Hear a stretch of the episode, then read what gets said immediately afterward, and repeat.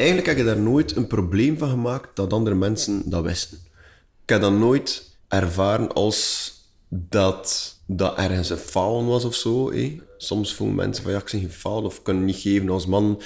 eh, dat dat iets vertelde over mij. Dat is gewoon een situatie waar ik in zat. Ik had vooral aan het begin, zag ik het echt niet zitten, dat mensen dan te pas en te onpas zouden komen vragen van en, en, en, is het al gelukt? Ik ben Nele Ameloot en dit is Project Baby. Een podcast over Instagram-baby's en krieketaart. Stap voor stap ontdekte ik dat het eigenlijk wel deugd deed om te praten over ons babyproject. Tegen wou ik dat ook wat meer beginnen delen op mijn Instagram. Dit zijn Charlotte en Mathieu. En dan kreeg ik soms ineens een berichtje van iemand die ik al tien jaar niet had gezien. Oh, Charlotte, lang geleden, we hebben samen nog gestudeerd. Eh, ik zit nu net in de fertiliteitstraject. Blijkbaar zit jij er al wel langer in. Kunnen we er eens even over babbelen? En dan gaan we een koffietje drinken. En dan zijn we erover aan het babbelen en aan het verbinden met mensen die dat ook doormaken. En ik denk dat daar echt nog wel wat meer nood aan is. Maar als je erover praat, krijg je soms ook vreemde reacties, vertelt Thijs van Esten. Wat dat mij ook altijd zal bijblijven, is de goed bedoelde grapjes van vrienden. Van goede vrienden, hè, maar die dat dan... Ik zal eens komen helpen. Eh, en dat zijn onnozel dingen, maar dan denkt hij... Zwat kerel, er je eigenlijk wel door hoe heftig dat, dat is. Maar Mathieu, het komt allemaal wel goed. Ik haat die zin.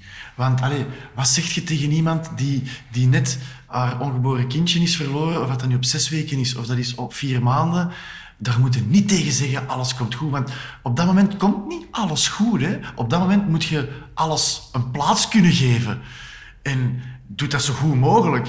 Dat komt relativerend over. En soms moet je mensen hun verdriet niet Ja. proberen relativeren. Dat is een trek dat mensen hebben, maar dat hoeft niet. Dus als iemand verdriet heeft, Mag dat er gewoon ook zijn? dat mag er zijn. En voelt je de noodzaak om te troosten, troost. En weten we niet wat zeggen, zeg niks, maar, maar dat is misschien al voldoende. Ik heb ook gemerkt dat het in kleine dingen zit. Ik kreeg bloemen van een collega net nadat we te horen hadden gekregen dat de terugplaatsing van ons diepvriesembryo niet gelukt was. Ik vond dat een heel mooie manier om te ervaren dat ze met ons meeleefde.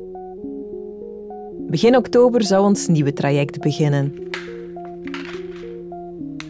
Oké, je doet het goed. Je doet het super. Om de paar dagen volgden opnieuw bloedonderzoeken en echo's om de rijpende eicellen te tellen. Het zijn allemaal nog hele kleine follicles. Het grootste hier is nu ook nog maar 5 mm. Dus Ik kreeg tijdens het tweede traject een hogere dosis hormonen dan de eerste keer. nee, het is nog niet veel bezig. Om zo hopelijk meer dan twee goede embryo's over te houden na de afvalrace. Voilà, we zijn dus terug aan het meten. Hè? Eh, rechts. Ze zijn nog klein, ze gaan nog een heel stukje moeten groeien. Maar dat leek aanvankelijk niet zo vlot te gaan. Dat is eentje van 10 mm. En dat is hier eentje dat een klein beetje groter al is. Enkele dagen later konden we dan toch een nieuwe pick-up inplannen. Het is allemaal goed gegaan. Hè? We Ja. hebben elf eicellen. Hè? We hebben er Die vrouw slaapt nog een beetje, dus zij gaat dat nu nog niet horen. Het resultaat was ongeveer hetzelfde als de vorige keer. Goed, allee, veel succes verder. hoor. En we waren natuurlijk benieuwd hoeveel goede embryo's daaruit voort zouden komen. Er werd een afspraak gemaakt voor een eerste terugplaatsing. En dan zitten we nu vandaag hier op dit stadium, waarbij dat we eigenlijk eentje hebben die vandaag goed genoeg is om terug te plaatsen. Dat wil zeggen van voldoende kwaliteit. Dat is een dag 5 embryo. Hè. Ja. Het is wel een vroeg dag 5 embryootje, maar tussen vanmorgen en vanmiddag is er wel al verdere evolutie geweest. Dus dat is positief. Ja. Oké. Ehm, dan hebben ze er nu nog drie die eigenlijk een klein beetje achtergelopen qua ontwikkeling, maar die morgen wel nog een extra kans krijgen. Dus die gaan morgen opnieuw bekeken worden. Zijn die dan wel ontwikkeld tot dat blastocyststadium, dan zullen ze worden ingevroren. Oké. Het blijft spannend. Het blijft wel spannend, maar voor vandaag zeker een embryo om terug te plaatsen.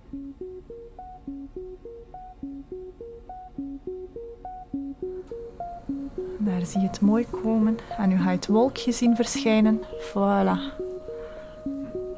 Ehm, hebben jullie graag een fotootje mee? ja. Absoluut. Dan gaan we dat afprinten. Ik denk dat het een meisje gaat zijn.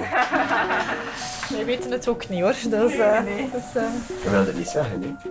ik weet het echt niet. Ik weet het echt niet. Ik zou het zeggen. Nee, nee, nee. Het is een verrassing voor ons allebei. Hè? Laten we hopen dat eh, hij of zij mooi blijft zitten bij u. Vol goede moed vertrekken we terug naar huis. Maar de volgende dagen denk ik constant aan de drie embryo's die mogelijk nog ingevroren zouden kunnen worden. Ik ben net een keer het verslag aan het ophalen en ik zie dat ze jammer genoeg geen embryootjes hebben kunnen invriezen uh, ja, die nog resterend zijn. Geen embryo's in de diepvries. Het tweede ICSI-traject leverde uiteindelijk slechts één embryo op. Het kleine embryo in mijn buik. Zetten we alles op alles voor dit embryootje dat dat zich innestelt en dat we hopelijk een positief resultaat kunnen uh, meegeven. Zoveel druk op zo'n kleine schoudertjes. Het heeft nog niet eens schoudertjes. Een dikke week later mocht ik s'morgens naar het ziekenhuis in Roeselare voor een bloedonderzoek. Om te controleren of het embryo zich had ingenesteld. Gaan we bellen? Jij mag. Ik wil niet. Het was alles of niets.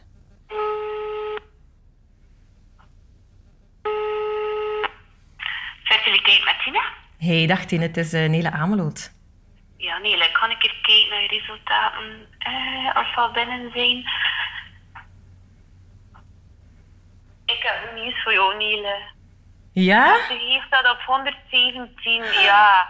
Een hele mooie waarde. Oh. Uh, dat bevestigt eigenlijk, ja, dat dat embryootje geluk gebracht is en dat je eigenlijk een goede starterswaarde hebt. Want normaal gezien hebben we graag dat je eerste waarde zo tussen de 50 en de 100 zit. Dat staat bij jou op 117, dus dat is eigenlijk echt wel geruststellend.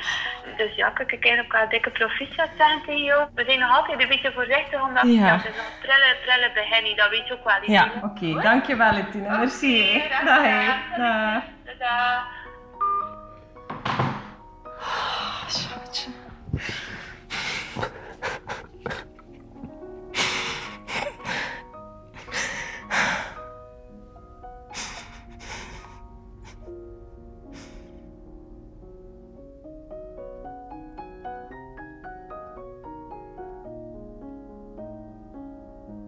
Tot mijn eigen verbazing merkte ik na de eerste adrenalineopstoot vooral een realiteitscheck. Het kan nog fout gaan. De vorige keer is het hierna nog fout gelopen. Ik denk niet dat ik in de laatste tien jaar al een moment beleefd heb waar er zoveel druk van mijn schouders viel. Omdat, ja... eh, weet je, doorheen heel dat traject is mijn grootste rol eigenlijk jou ondersteunen. En voel je soms zo machteloos daarin, omdat je zo weinig kan doen eigenlijk. En plots voelde je van... Oh my god, dat is hier gelukt. Wauw, kijk, als ik er nu terug aan denk, dat is van... Wow. Ik weet het, maar hij wordt echt euforisch. Hè? Hij had dat 's middags zelfs al bij de bakker zitten verteld. Ja, ja, ik, maar ja, ja. Van het is gelukt.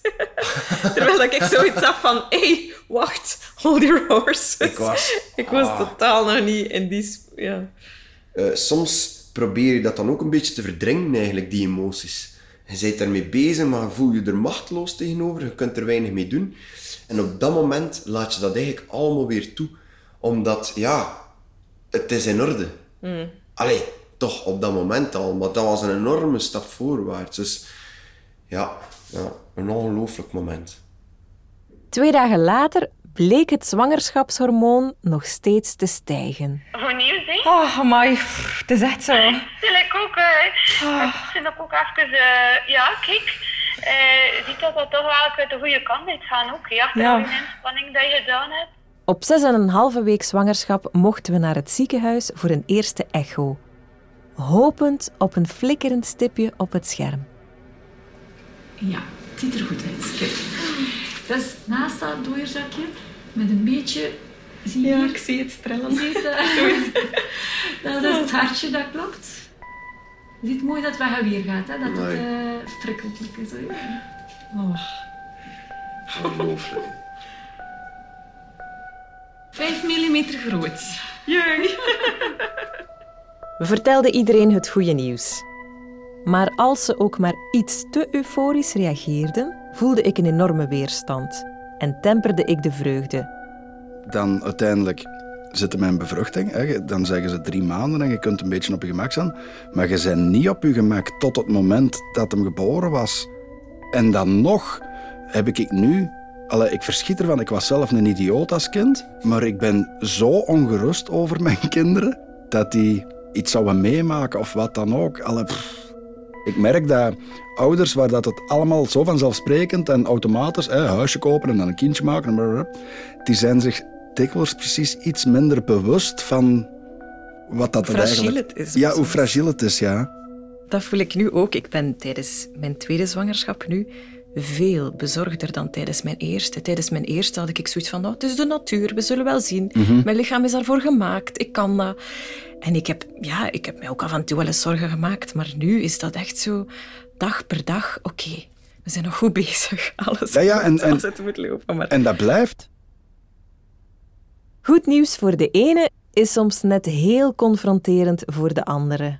Ja, je hebt allemaal die WhatsApp-groepen. En iedereen post er altijd zomaar zijn babyfoto's in. Die is op komst en we zijn zwanger, dit en... En ik had dat echt gehad. En ik begon zelfs WhatsApp-groepen te blokkeren van mensen die... eh, we- ja, we, we liggen bij voor, voor, voor, voor een cadeau, voor de die. En ja, ik raakte daar echt gefrustreerd van. Zo herkenbaar voor iedereen bij wie een kinderwens stroef verloopt. Soms wordt ook overvallen door een kwaadheid en zo. Hè? En dat is irrationeel, want het laatste dat je wilt is kwaad zijn omdat iemand blij is. Ja. Maar dat is een soort van afgunst dat je besluit, dat je denkt, en waarom wij niet? Ik had het onlangs zelfs nog en ik ben nu zelf zwanger. Iemand zei, ik ben zwanger en dat ik diezelfde pijn opnieuw voelde. En dat ik dacht, maar allee, Ja, Maar wel ook schoon om te zien, als je er dan langer in zit, hoe dat sommige mensen er zo'n rekening dan ook wel mee houden. Bijvoorbeeld, ik ga een paar vriendinnen die dan echt zo, hè, voordat ze het dan gezellig in de vriendinnengroep zeiden of dit of dat, dat ze echt, ja, dat ik dan al dat ervoor wist, zodat ik op mijn manier daar al mee kon omgaan, dat ze zwanger waren. Dat is het voordeel Dus, ook, eh, dat als je dat er open over praat, dat veel mensen het weten en dat ze Ja. daardoor ook rekening kunnen ermee houden. Want als ze Ja. het niet weten, dan kunnen ze je ook kwetsen zonder dat ze het weten. Oh, of bij ons op school bijvoorbeeld, echt een vreselijke gewoonte eigenlijk toen. Als je zwanger waart, dan werd er een kriektaart op tafel van de leraarskamer gezet, maar er werd niet bij gezegd van wie dat was. Je moest dat raden. Maar ja, op den duur, ik, eh, mensen wisten al dat ik in een fertiliteitstraject zat, dus dan werd ik al niet direct genoemd met de krieketaart. Voor hoeveel mensen dat, dat soms een trigger was, dat vond ik zot om te zien. Dat is iets waar je niet bij stilstaat als het vanzelf gaat, maar zelfs bij mensen die dan niet in een fertiliteitstraject zaten, vonden dat soms heel confronterend. Dat ze dan zeiden, ah, ze jij zwanger? En dat was totaal niet aan de hand, maar die wouden dat misschien wel. Een paar maanden later zat ik terug in de wachtzaal gynaecologie van mijn ziekenhuis. En ik hoorde het filmpje dat ik tijdens heel mijn traject om zwanger te worden daar gehoord heb in de wachtzaal. Hoera, je bent zwanger. Daar ga je dan op je roze wolk. tijd voor de NIPT, de niet-invasieve prenatale test. Hoera, ik was ook zwanger. De NIP bepaalt het geslacht van je baby en spoort afwijkingen op de chromosomen op. En toen kregen we het resultaat. Alles oké. En we lazen bovenaan de brief. Vrouwelijke foetus. En voor het eerst voelde het als iets wat echt gebeurde. Ik ben zwanger. Van een dochter.